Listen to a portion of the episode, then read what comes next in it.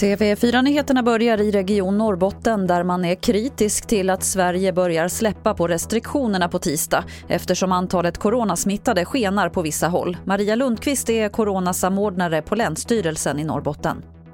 Läget är allvarligt i Norrbotten. Vi ser ju att smittspridningen ökar i privata sammanhang och det är ställen där vi inte kan överhuvudtaget reglera eller kontrollera att de följs. Så man kan tycka att tajmingen just nu för att lätta på en del restriktioner kan vara lite dålig.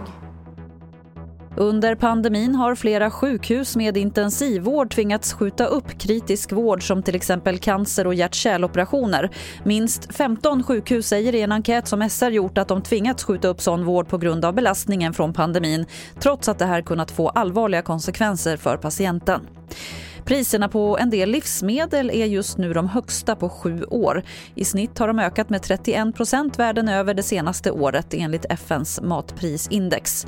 Torka i Sydamerika, svinpest i Kina och kyla i Frankrike ligger bakom och bland annat socker är en produkt som blivit mycket dyrare det senaste året. Det var det senaste från TV4 Nyheterna. Jag heter Lotta Wall.